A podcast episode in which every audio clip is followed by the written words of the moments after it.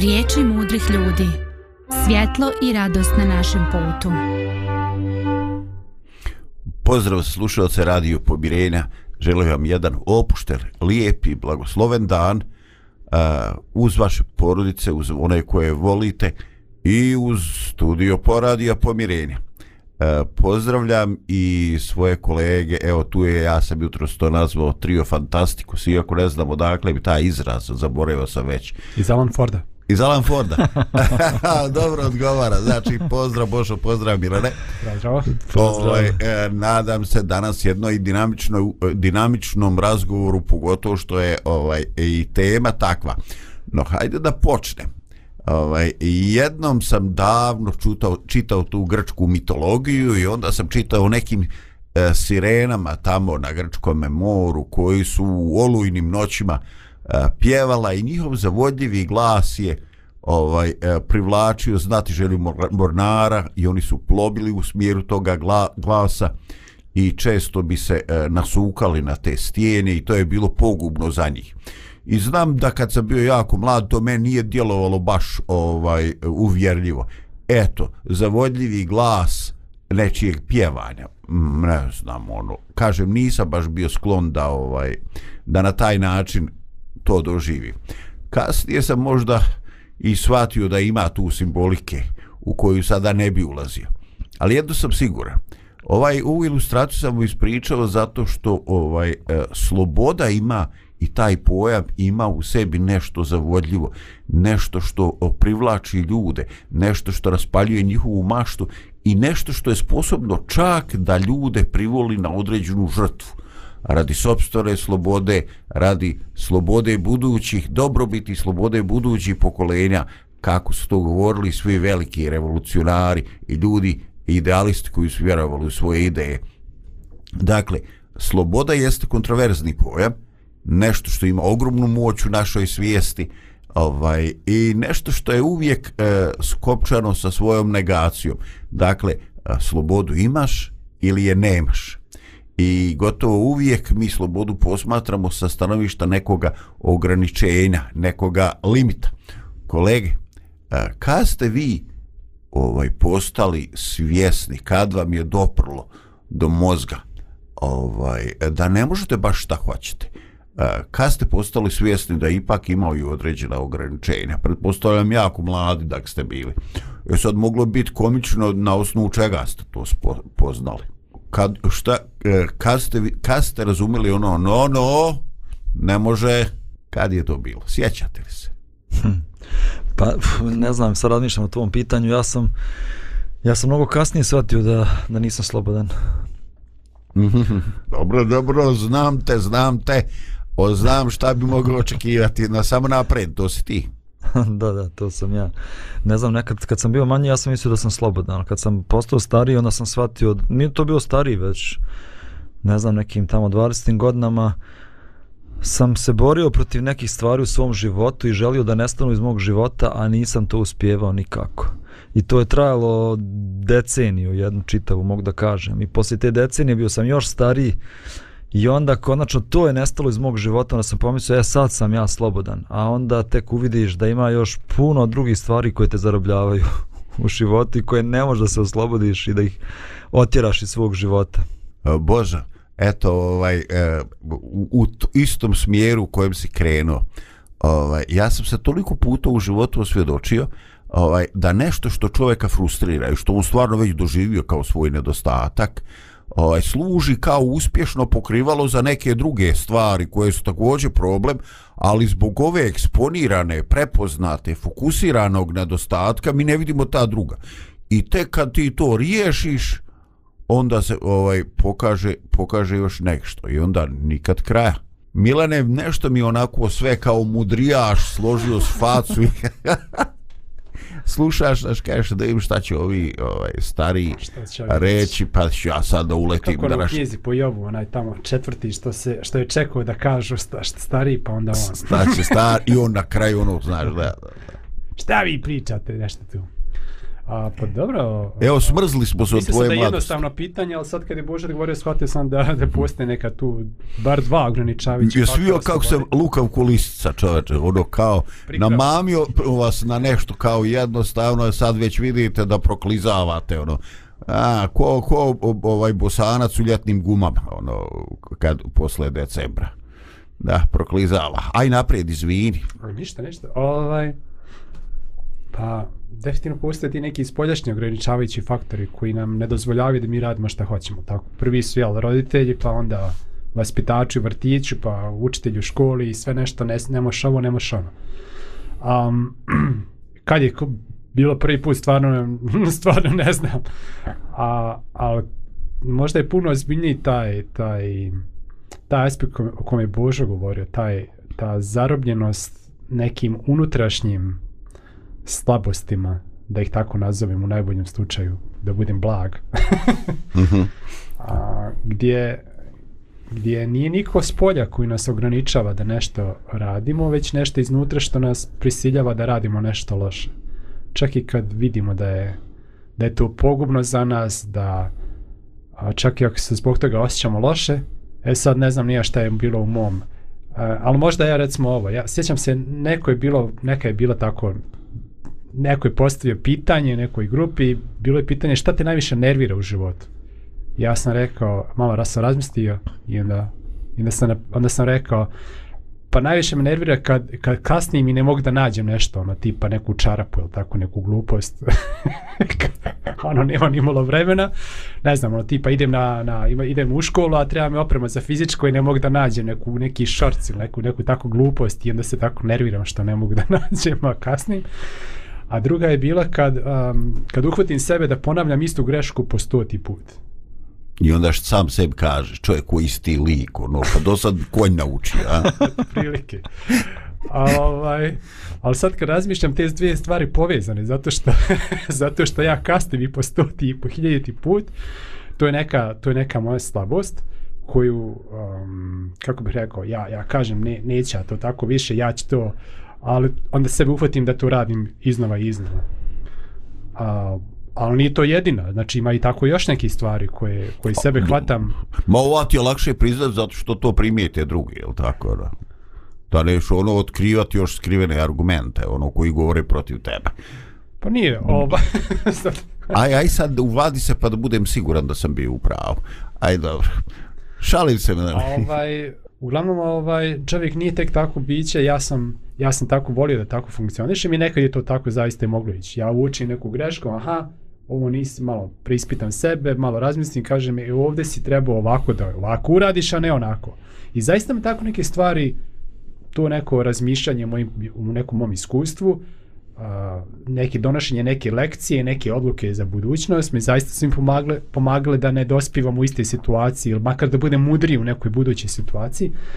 A međutim u nekim u nekim stvarima to ne pomaže. u nekim stvarima ja ću ili više neću tako već onako i onda uhvatiš sebe da radiš potpuno potpuno istu stvar. A što kažeš, što lažeš komšiju nekako bi ti oprostio, sa- oprostio bi sam sebi.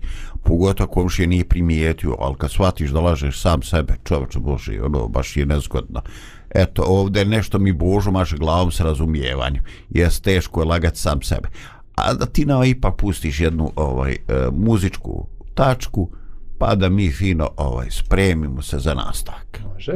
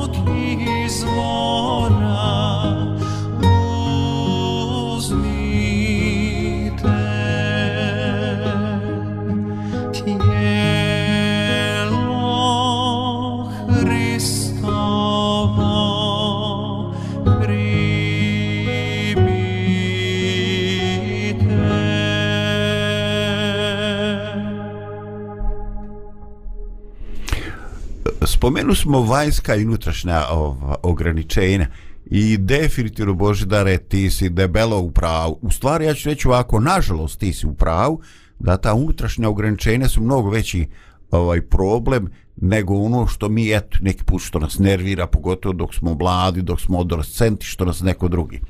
No, ovaj, e, moram da vam spomenem jednu situaciju iz moga života, da ta, ovaj, da nisu samo adolescenti ti koji reaguju na vanjska ograničenja, da su to nekad ljudi u posve nekoj zreloj dobi. Sjećam se negde tamo 80-ti, možda krajem 80. šetao sam s jednom prijateljem u Ilicom u Zagrebu I ovaj tad je već počela malo ono da, da popušta ono što se zvala gvozdara zavjesa i mi smo imali ovako sve više turista u Jugoslaviju koji su dolazili ovaj baš uh, i s onu stranu zavjese iz tih uh, bravo socijalističkih zemalja. I od jedan put u ulici ja sam ovaj, vidio jednu grupu ljudi koja me jako privukla, ne toliko sa svojom odjećom koja je bila malo drugačija nego naša, nego rad toga što se oni držali u grupi, onako zbijeni kao jato, kao ovaj manje ostalo ovaca, onako nešto kao unerzvijereni, gledaju lijevo, desno, ono kao da ih je neko iskrcao iz helikoptera. Ovaj, I e, pitam, ko su ovi liko, šta je ovo? Kao, ma kaže, to ti je ono, iz ovih zatvorenih zemalja, turisti došli. Ovaj, a pa kao što se drže tako? Pa ga često oni imaju u toj grupi turističkoj jednog političkog komesara koji ih malo onako nadzire da ljudi budu politički korektni. Uh mhm. -huh. Pa što se tu okupili? Pa kaže, znaš šta, ovaj, čekaju ovdje ilici, kaže, ima bio, e, bioskop, kaže, pa čekaju projekciju ovih filmova za odrasle, pošto je to kod njih zabrin, ovaj, zabranjeno. Ja ostao paf, počeo da se smijem, pa čovače Boži, to su ljudi otprilike 35-45 godina. Zar je tolika moć nekih vanjskih limita da u čovjek stvori nešto što je ovaj potpuno sekundarno i nebitno tamo gdje je to dostupno. I to je jedan od trenuta kad sam se stvarno ovaj zamislio E, koliko ti vanjski, vanjska ograničenja i ta neka pretjerana disciplina čak i odgoju djece, e, kad i u kojoj trenucima ona postaje čak kontraproduktivna. Bože, ti ovaj, dvoje djece već odrasto, je se susreo ti, ti sa tim da ovaj da ponekad posumnjaš ovaj, koliko ta naša čvrstina, koliko je ona od koristi. Pa dobro, nisam u mojoj porodici, pošto mi baš nemamo tu čvrstinu, mi smo baš, mi Nataša ja bolećivi prema djeci, ovaj. ali čitam knjigu, a gledala ti film, sigurno Leti iznad Kukoviće gnjezda, a oh. i knjiga mi je onako baš zanimljiva, ovaj, i juče baš čitam o tome, kako taj indijanac, onaj veliki, ogromni... Što izvali onaj mermer, nisu doper, šta li ono bilo. da, da. I sad on, uh, dešavaju se te scene, ta glavna medicinska sestra se urotila protiv tog McMurphy-a ovaj, i hoće da ga uništi na sve moguće načine, ali onako tiho, neprimjetno, ne sad otvoreno da pokazuje mržnju, ali sa, na sve načine ga uništava. I sad on razmišlja, uh, Oni su, koliko ima njih tu bolesnika, pacijenata, te bolnice i ono strahovlada od te medicinske sestre je učinila da oni jednostavno ne budu ono što jesu. Oni se, se ponašaju onako kako ona želi, e, žmire kad ona kaže žmirte, lezte, kad ona hoće da... I onda gleda tog McMurphy-a, a on jedini slobodan. Znači, on se ponaša onako kao što on jeste. Znači, on se smije, a ono tamo se niko ne smije uopšte. On se šali sa svima, on priča viceve, ovaj, jednostavno njega ta sredina nije promijenila. I ovaj indijanac razmišlja, pa kako je to moguće? Kako, kako da on nije uh, podlegao, podlegao tom, tom pritisku, uticaju, pritisku, kao što smo svi mi podlegli, nego on se ponaša kao kad je bio Ivani tamo. Ovo, eto, ne znam, to mi je bilo zanimljivo. O, isto prije neki dan, sad da malo produbimo ovu priču, uh mhm. -huh. zove me Nataša na telefon i ja u autu vozim auto. I sad ja završio razgovor s njom, ali nekako nisam pritisnuo onu slušalcu da prekinem poziv.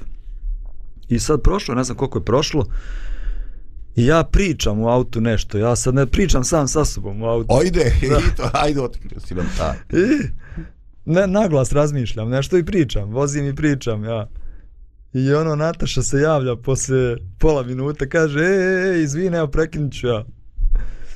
Ja razmišljam posle, evo sad, ona me uhvatila da ja pričam sam sa sobom.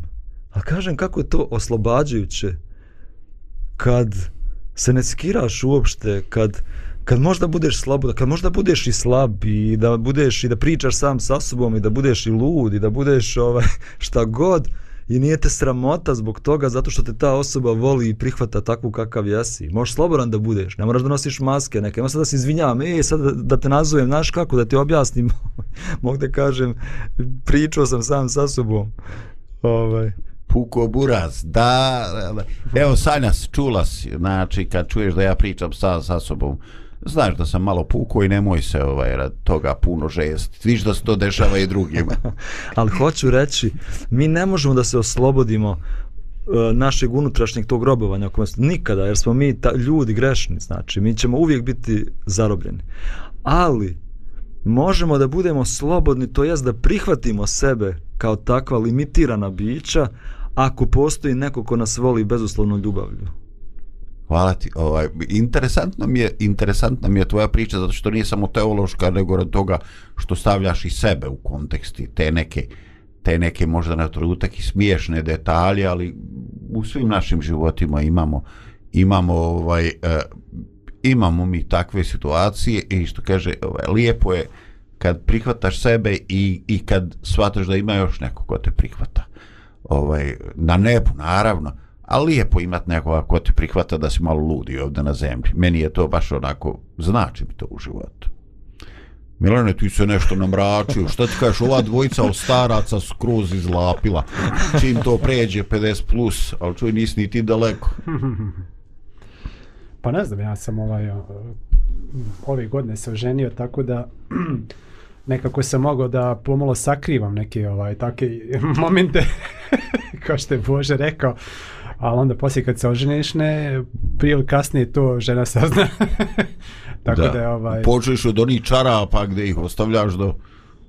Ne to, već tako sam ja nešto u kupatlu imao neke razgovore sam sa sobom. Ili neke zamišljene razgovore sa drugom osobom, više se ja ne sjećam. I on, ona upada ovako ljubav jer se u redu s tobom ja, Ništa strašno, ljubav, otkad ja s tim učim. Sve u redu. Malo pričam sam sa sobom. Ili sa zamišljenim protivnikom, ali inače sve. Svi ti protivnici stvarni, samo što nisu trenutno tu prisutni. Da. I onda... Ali da, u principu i to je neka sloboda da možeš da budeš malo, da kažem, čaknut nekad. Nekad nam to treba da Da bio normalan, moraš nekad malo da poludiš. Da, moraš znati samo gdje i u, gdje taj ventil da ispustiš. da ne napraviš baš neki veliki, kara, veliki karambol. da. Evo pogledajte, jedan ovaj, e, interesantan duhovni pisac, otac tada i kaže u pogledu te slobode. Možemo da idemo kuda hoćemo, radimo šta hoćemo, pa opet, nije to sloboda. Sloboda je ona gospodnja sloboda, kad je čovjek oslobođen od tiranije misli, kad ga ne tiranišu nikakve misli, kad živi u miru. I on kaže, on je tad stalno u molitvi, stalno očekuje od gospoda, radi po savjesti, trudi se, svaki posao radi od srca. Cjelokupno biće naše treba da učestvuje u molitvi, u radu i svemu. I ima još jedan kratki dio, ali mene ljudi ovo fascinira. Pogledajte, e, već odavno je u tradicionalnoj teologiji e, spomenut pojam rasplinutosti. Znači, površnog učestvovanja. Površno se moliš, površno e, radiš, površno komuniciraš s ljudima. Vjerojatno se desilo da pričajući sa ovaj dragom osobom jednim, jednim okom gledaš u telefon ili u TV i onda ta osoba onako sa tonom u glasu koji govori da je moguća povrijeđenost, kaže, čekaj, jel ti mene slušaš šta ja te pričam? Znači, mi sve nešto lovimo, ovu situaciju, ono, pokušavamo, ovo, rasplinjujemo se. A pogledajte, ovaj pisac kaže da od srca, da se posvetiš to što radiš. Da Bilo da radiš, bilo da pjevaš, bilo da učiš, bilo da se boliš Bogu, šta god Radi to od srca, posveti se tome, uradi to. I ja vjerujem da ovdje nije pitanje samo efikasnosti, znaš da ti završiš taj posao.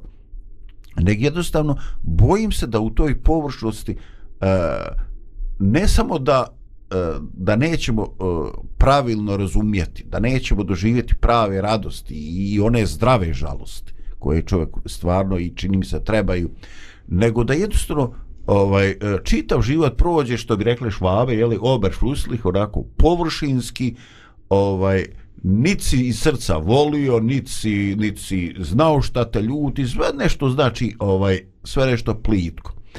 E sad, ovaj, e, postoje neki životni događaj, neki ozbiljni susret sa bolešću, neka operacije, neke tako stvari, e, kad čovjek se zaista zaustavi i kaže stani, kud si krenuo, ovaj, iskoristi te trenutke, gledaj u, oso u osobu koju voliš u oči, posvijeti par minuta ovaj, iskreno. I evo, Bože da da se pohvalim. Ovaj, e, imao sam neko presabiranje, analiziranje svojih ovaj, ono, i kako mi imamo jako dobre izgovore za naše greške.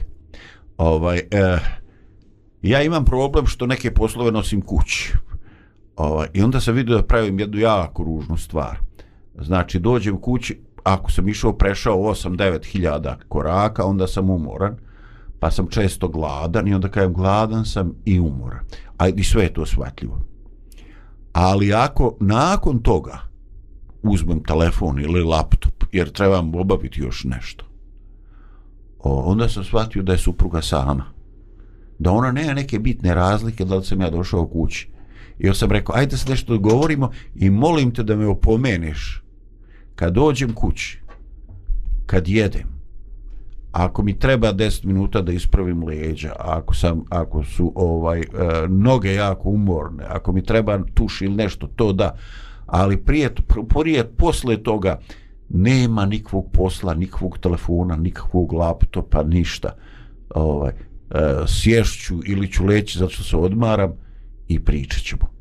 Ovaj, jednostavno od, ovaj, otkrio sam da kradem trenutke našeg zajedničkog života da osiromašujem taj naš zajednički život. I ne osjećam se, nisam osjetio lijepo kad sam to shvatio. I evo, evo ja sad i pred tobom kažem, moram to popraviti. Ovaj, prvo, što, druženje... Što predavnom i pred Milanom? Evo, i pred tobom i pred Milanom, ali sad sam gledao u tebe i znam da si ti kritičan po tom pitanju. Evo, Milane, i pred tobom, ovaj, koliko god vele važne obaveze koje treba ovaj ono ako je tvoja supruga bila 5-6 sati sama spremala ručak razmišljala kako će ti uživati a ti došao i ubacio to u usta kao s lopatom i zgrabio da završiš nešto jer imaš neki čas sutra ujutru ili tako? Ovaj, onda eh, možda se stvarno ponašamo kao hajvani prema tim bićima koja su odlučila da provedu život s nama. Eto ja to ja priznajem da sam radio ti u tu grešku, a ti gledaj da, da ne pretjeraš ako se nekad i desi.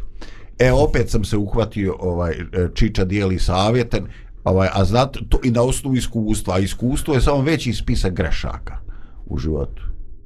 Nažalost. Da, pa dobro, evo, drago mi je zdravko da si to uvidio i da ćeš posvetiti kvalitetnije vrijeme sa svojom suprugom. Ali evo ja bih volio da govorim zašto mi to nekako zanemarimo. A ima veze sa svim ovim o čemu smo pričali.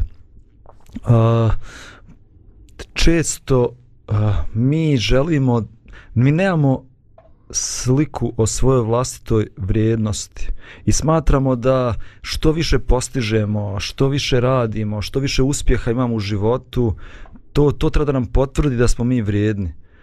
Uh, I zbog toga mi ulažemo toliko napora, mi radimo hiljadu projekata, zbog toga smo mi užurbani, zbog toga dođeš kući, uh, razgovaraš svojom djecom, a u mislima već imaš svoj projekat, svoj posao koji te, koji te čeka, koji trebaš da radiš. Zbog toga ne možemo da se fokusiramo na, na one prave vrijednosti u životu koje mi, ni, koje, koje mi ni čak ne možemo da vidimo da su vrijednosti zato što su za nas vrijednosti samo uspjeh, pohvala, priznanje. Ovaj, ne znam, evo u mom životu, ja razmišljam kroz svoj život, tako je nekako bilo i u mom životu. Dok ne shvatiš dok ne shvatiš da te Bog bezuslovno voli takvo kakav jesi i da te prihvata i da ne možeš ništa da uradiš da, da te on više voli ni da možeš bilo šta da uradi da te on manje voli. Da, da ne moraš da dokazuješ svoju vrijednost. Da čak i ako nikad ništa u životu ne uspiješ Bog ti dalje voli takvo kakav jesi. I, i meni je to nekako pomoglo da mogu stvarno da se fokusiram u životu. Ovo što ti govoriš da shvatim šta je stvarno vrijedno u životu, um, da ne jurim za priznanjima, da ne jurim za uspjehom u životu, za ne znam koliko projekata. Radio sam stvarno, nekad sam radio po 5-6 projekata u isto vrijeme, um, ali danas shvatam da jednostavno uživam u Božoj ljubavi. Shvatam da sam tu gdje jesam, zahvaljujući njegovom nekom planu, prihvatam taj njegov plan, prihvatam to mjesto gdje se nalazim, et, ne znam nija šta sam sve ovaj, htio da kažem, ali jednostavno to mi pomaže da da budem ono što Bog želi da budem. Saznanje da me on voli da me prihvata ovako kakav ja sam. I kao što me Nataša prihvata i mogu da pričam sam sa sobom u njenoj prisutnosti, tako isto ja tako mogu da dođem pred Boga svaki dan, go, kakav ja sam sa svim svojim slabostima i znam da me on voli i da me prihvata. I to mi daje mogućnost da budem slobodan u životu svašta sam napričao. E, dobro, dobro, pa čuj, znaš šta znači to samo da je da su ovaj e, da puno vektora u tvojoj duši i da ti je ova tema na neki način inspirisala i da se prepoznu u njoj. Eto, to je meni sad priznanje da sam da sam pogodio i da je to aktuelno, znači da nisam pričao ovaj e, u, u, u uvozu rude ovaj ili e, eksploataciji rude u Mozambiku ono, jer posle toga je prvo treba da sjetim gdje je Mozambik na karti svijeta, pa da spitam šta će mi brate to u životu, šta će mi kakve rude ima u Mozambiku. I tako, znači, i postoje stvari koje su nam relevantne, koje nas se tiču i još gore kad počneš sebe da prepoznaješ. Evo, ovaj, viš kako je Milan to svoje oprazno, oprezno rekao, spomenu neke, spomenu neke čarape. Ovaj, e, Milane, ono, koliko će puta ona, jes, ne znam, jesi stekao naviku ili će morati ta tvoja žena da kaže, pa je ti problem kad skineš te čarape samo da ih baciš u kurpu, ne da ih ostaviš pored kreveta. E sad, ako si dugo bio sam i ako si ovaj, stekao tu naviku, onda možda ćeš stvarno morati da ovaj da upotrebiš do, dodatni napor ovaj e, da ne žalostiš svoju suprugu nekim čarapama bačenim pored kreveta i još nabijene nogom u prolazu. Ovaj čovače neke stvari mi e, kvarimo sreću jedni drugima sa banalnim stvarima. Znači uopšte ne moramo imati neki veliki problem. Jednostavno ti, e, ti neki naša ponašanja šalju nenamjernu potrebu nenamjernu poruku o tome da ne cijenimo drugovoljno druge ljude i njihov, njihov ovaj, njihov stav. Dobro, ja se možda malo bi se ovaj, osvrnuo na ovaj tvoj citat koji si, koji si dao.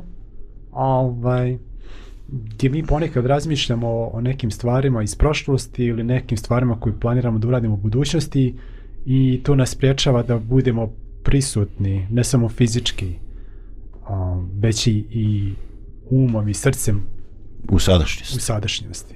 I onda nas to lišava a, sreće i zadovoljstva koje bismo mogli da imamo sada. Zato što mislimo na nešto što je bilo prije ili brinemo o nečemu što će tek da se desi. I ovaj, mislim da je to neko nazvao prisutnost u momentu. U smislu nisam ni u prošlosti, nisam u budućnosti, već sam ovdje i sada. I, um, i tu, ne znam, me, me, ja posebno volim da, da, ja se posebno sjetim toga recimo kad um, kad drug i ja vozimo bicikle i onda tu možemo da vidimo neke fantastične prijedile a, neke prizore koji zaista čovjek ne može da vidi svaki dan a, i onda kad uhvatim sebe da mislim o nečemu što tek treba da uradim ili nešto što treba da riješim i onda čekaj Milane, ti si čekao čitavu pošto smo drugi ja znamo da ljeti idemo baš da, mm -hmm. da, da to bude sastavni dio godišnjeg odmora da odemo ljeti i vozimo bicikle po, po, po obali, morskoj obali a, I onda sam mislio, znači čekao si čitavu godinu da dođeš i da budeš na ovom mjestu, da uživaš u ovome i ti sad razmišljaš o nečemu drugome. Nemoj da razmišljaš o tome, uživaj u ovome što je sad pred tobom. Eventualno je- fotografiš. Da. I eventualno fotografiši, da. I, ova, I onda zaista počnem da posmatram stvari oko sebe, da budem prisutan tu, da, da moj um nekako utihne, primajući te utiske koje se nalaze gdje me nađe, brate dragi, pazi, da um utihne, pa to je toliko, toliko nešto posebno. Aj ti pričaj ti svoje, samo da znaš da si me dotakao. Evo još nešto, evo, evo pročitam ovo što si ti rekao o, o, slobodi. Možemo da idemo kuda hoćemo, radimo šta hoćemo, pa opet nije to sloboda. Sloboda je ona gospodnja sloboda, kada je čovjek oslo, oslobođen od tiranije misli, kad ga ne tiranišu nikakve misli, kad živi u miru. E sad, prošle sedmice kad smo imali onu emisiju o, o demonskom djelovanju nekad i sada, a, jedan od nasi, naših slušalaca je komentarisao na našoj Facebook stranici i rekao, a šta je s onima, ne znam, spomenuo je neku grupu ljudi, eto, pedofile spomenuo, šta je s njima i oni rade, oni rade zlo. I onda sam ja pokušao da objasnim da da su, da su zaposljedniti ljudi oni koji su potpuno izgubili slobodu djelovanja. Da, oni, da, da kad govore, ne govore oni, već govori demon kroz njih. Kad oni nešto idu da rade, ne, ne oni kon, ne kontrolišu više svoje tijelo, već demon kontroliše svoje tijelo. A da, ta, da, da postoje ljudi koji jesu pod utjecajem zla i koji čine zlo, ali ih ne nazivamo zaposljednitim zato što oni još uvijek imaju kontrolu, da ka, tako kažem, nad, nad svojim tijelom. Međutim, imati kontrolu nad svojim tijelom i dalje ne znači biti slobodan. Zato što postoji nešto što Tiranija se zove misli. misli. Tiranija Da. misli. Gdje mi brinemo, gdje mi mrzimo, gdje mi zavidimo, gdje se mi bojimo, gdje mi smo obsesivno uh, op, bavimo nekim idejama i ne možemo da ih se tarasimo i mi možda možemo da biramo šta ćemo da radimo i šta ćemo da kažemo, ali nismo slobodni. I, i mislim da je to da je to taj nivo slobode može jedino da se ostvari u zajednici u zajednici sa Bogom i kad u toj zajednici čovjek može da ispravno vidi stvari i, da, i kad kroz tu zajednicu dobije snagu od Boga da, da izabira ispravne stvari i postupa onako Da reaguje na da ispravan postupa način. ispravno i kad kroz tu zajednicu čovjek zna da je postupio ispravno tada ga ne opterećuju misli ne znam krivice ili ili ili ili ne znam nija nekog nezadovoljstva već on može zaista da da bude da uživaju i slobodi u, i u mislima i da zaista bude prisutan u, u onome što radi da ono što radi uživa u onome što radi Hvala ti, Milane. Ovaj, daj nam još jednu pauzu, pa da se spremimo polako za završne zaključke. ide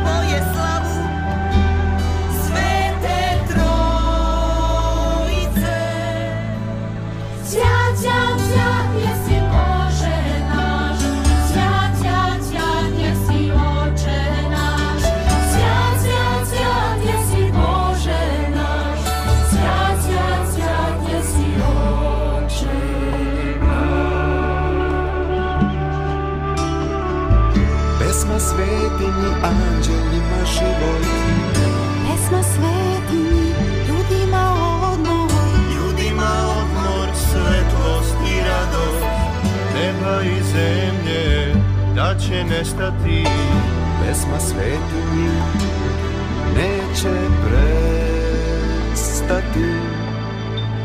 Svjat, svjat, svjat jesi Bože naš, Svjat, svjat, svjat jesi Oče naš, Svjat, svjat, svjat jesi Bože naš, Svjat, svjat, svjat jesi Oče Oče naš. Svjat, svjat, svjat jesi Bože naš,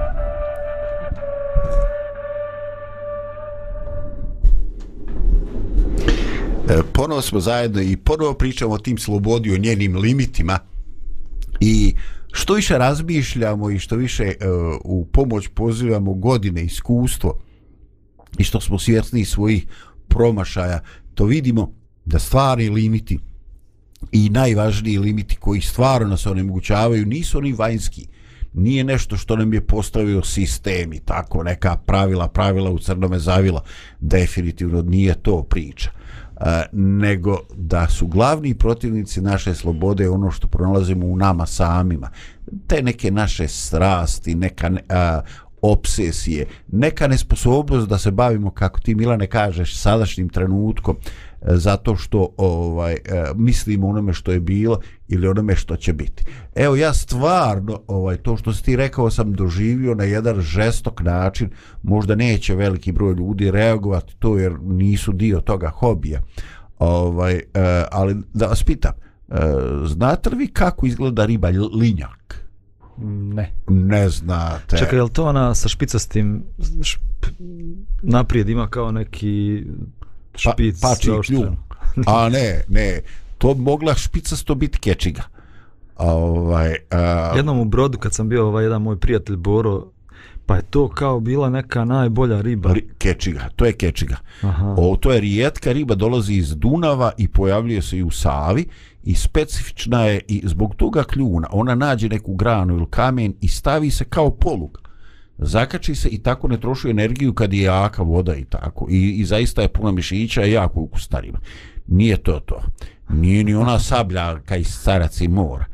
To je jedna riba koja ovdje ima ovaj na ovim prostorima i uglavnom u mirnim vodama, u tihim nekim riječicama i u nekim jezerima. A, riba iz porodice šarana, obično je boja onako brown smeđa i ima takozvana mikrokrljušti. Znači, toliko su sitni da mi kad opipamo ovaj tu ribu, pitamo se ima li ili nema krljušta, ali ima, one su milimetar, milimetar i pol. Ja se sjećam pro određeni broj godina, ovaj, bilo je nešto lijepo. Ovaj, tad je u Srbcu još uvijek bila dovoljno čista riječica Savica. I ovaj, u jednom periodu godine ovaj na njoj, eh, pošto je tiha riječica, narastu lokvanji, znači to su oni zeleni listovi po 30-40 cm i na svakom tom listu po jedan žuti cvijet, veliki 5-6 cm. I to je scena koja je nestvarna. Znači, ono, kao da nisi na ovoj planeti. Znači, ja sam sjedio, pecao ribu i već je u mojoj čuvarci bila dva linjaka od po pola kilograma. Da kažem, to je ovaj e, sve ređa riba. Ovaj, znači, porodica šarana, taj neki oblik, zaobljena sva. I ja sam tada shvatio nešto što je stvarno problem našega mozga. Znači, u tome trenutku imao sam tišinu, mir. Mislim, imao sam čak i dozvolu, ni to me nije iznervi, iznerviralo. Znači, površina rijeke je prosvjetala. Ja pecam super kvalitetnu ribu. Dva komada i ne treba mi više. Ako dođe tre, onda imamo za svakome po jedan u tanjir, ako ne podijelit ćemo. Ovaj, I znači jedan takav trenutak, kao da nisi ovde u, u Bosni, kao da si nekom uh, rajskom ostravu. I ja uhvatim sebe da pričam kako ću ja pripremiti više mamaca, jer ne znam na šta riba taj dan, pa ću ići dole na rijeku, na Savu, pa onda shvatim, alo čoveč, jesi ti normalan? Pa vidiš ti kakav trenutak ti kvariš nekim pričama i ambicija, ne znaš što se sutra polomiti u auto, pa biti tri, tri mjeseca u štakama, neš ni moći otići na auto. Pa mislim, mi kao da smo prokleti, mi stalno imamo tu borbu. Mi smo nesvjesni trenutka, mi gubimo iz dana u dan radosti zato što se zarobljavamo prošlošću i, i budućnošću. I jednostavno, ovaj, ti naši ratovi, ovaj, eh, ovdje je pitalo da ne budemo ratnici na nepravednoj strani, da ne ratujemo ni sa kim, da misleno ne ratujemo. Pogledajte, riječ ratovanje e, tri puta upotrebljena. Prvo sa stanovišta pravde. Sutradan da moja energija i moja pomoć i, i moj osjećaj za pravetnost bude iznerviran i da ja u stvari želeći da štitim e, ovaj, e, pravdu podržavam nešto što je pogrešno i postajem oruđe destrukcije. Pravim nepravdu misleći kao da ja čuvam pravdu. Ljudi, ovo je jako bitna molitva. I onda, da ne ratuješ sa svojim mislima, te neke konfuzije u čoveku. Pogledajte koliko nam to fali. I da ne ratuješ ni sa kim i da ne ratuješ ni svojim mislima. Ovaj, pogledajte, uh, meni se dešavalo da uđem u neki, neki prostor ili, ili, ili odem na čaj ili šta znam i u komšiluku i tako i na TV-u neki tamo reality program. Ja uhvatim sebe da sam počeo u sebi da izgovaram ružne riječi. Ja sam počeo da se živciram. Pa po, o, ovo je, nije bilo za, da postavlja standard, ovo je za ludnice. Ja se svađam sam sa sobom uveliko. Ja ratujem, radi čega? Radi dečka što mi je nešto ovaj, e, neprihvatljivo. I onda ako mi je tu supruga pa onako poluglasno njoj kaže ovi mi krenteni poješće mi mozak. Kaže čovječe šta ti isključi se kaže pa žderi se, ako se već ždereš za ono što moraš što se tovoriš dovoljne, dovoljne terete. Ljudi, je li imate vi Podsjeća me na iskušenje tih nekih, da. dođu na neki YouTube kanal ili ne znam nija, pogledaju nešto i onda kritikuju kritikuju autora ili napadaju ili ili kažu da, da je ne znam nija program koji je napravi užasan i onda ma prvo pomisao je pa dobro šta te tjera da, da gledaš Što imaš nagu za mučenjem, samo mučenjem. Možeš da imaš milion kanala na YouTube-u ili milion sadržaja na internetu i konačno nisu, ne moraš im, nemaš samo internet u životu, imaš valjda drugih stvari u životu. Što si došao na to mjesto koje te nervira i koje smatraš da je užasno? Zar nije bolje za tvoj kvalitet života da se otišao negdje drugdje? Zaobišu. Već je, već je to neko, on je gledao i on je gnjevan, on je, on je imao užasno mišljenje i onda to još troši vrijeme da izrazi to mišljenje. Pa izvili, ako se ne sviđa, što radiš ovdje, što nisi otišao negdje drugdje, pogledaš stvari koje, koje voliš. A čekaj, zašto se to ipak dešava? Pa mislim, ako je blesavo i shvatiš da je blesavo, a, a što mi to opak radimo? Zašto? Aj, Jedno pomozi mi da objašnjenje da mi razumijem. možda ovaj, volimo da, da, da volimo da, ne znam nija, da budemo tako gnjevni i frustrirani. Da, da dokraćujemo adrenalin izgubljeni, da. da je to nešto, nešto što nas privlači, iako je u principu negativna emocija i dalje nas privlači da to radimo. Ne znam kako drugačije da objasnim. Ja, brate, ne mogu to prepoznati u sebi da ja to volim, jer ja se iznerviram, razumiješ? Ja sam autodestruktivan.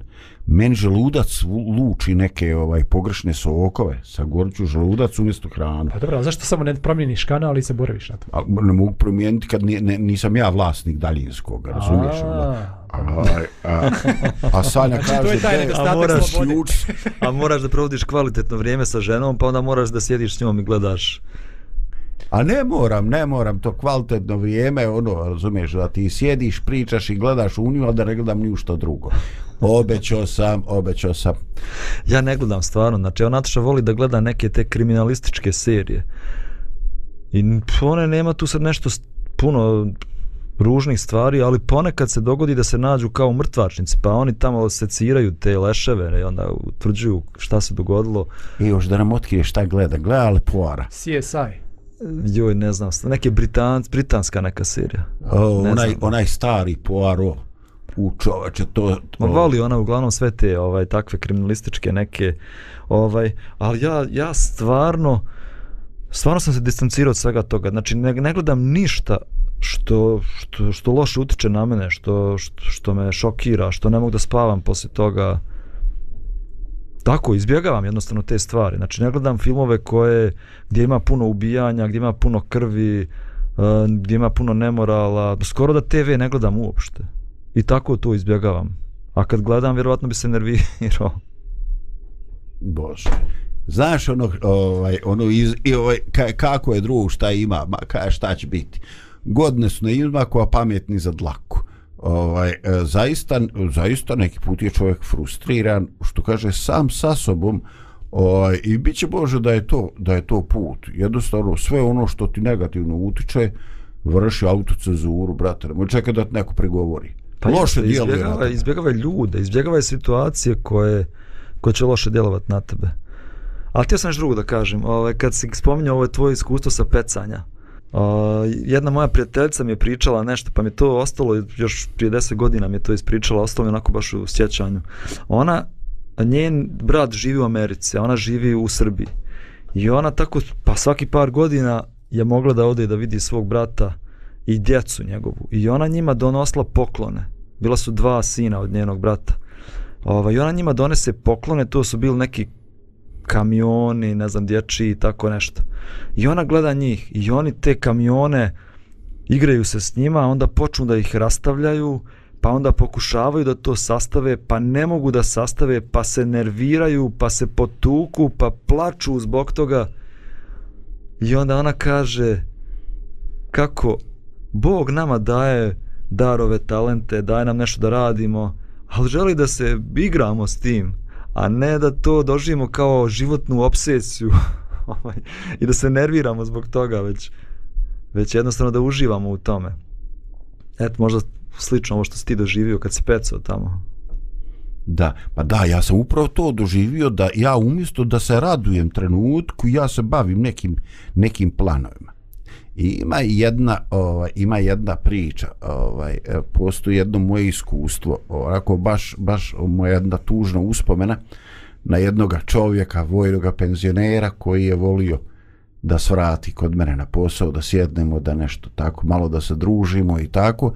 I imao je bezgranično, bezgranično to životno iskustvo i pro, prolazio kroz neke e, zdravstvene ovaj, izazove koji su nestvarni i ovaj nevjerojatno e, nije, nije čovjek bio religiozan ali je u sebi imao taj neki optimizam i ovo i ono. I ja nikad nisam definisao ajde logično mi je donekle šta je e, njega privuklo meni jer ta vedrina šta je sve doživio i ostao je normalan. Nikad mi nije jasno šta je njega privuklo meni. Ovaj ali uglavnom e, koristili smo često ovaj trenutke kad je on dolazi u Srbac i tako susretali smo se moj pokojni drug Šuki i ja Šukalo Radomir penzionisani vojni pilot ovaj e, i on je stvarno ostavio ostavio tragove u mom životu od nekih informacija ovaj koje su mi bile ovako dragocjene ili ili makar interesantne do nekih drugih stvari primjera ljudstva i tako. Baš sam puno naučio.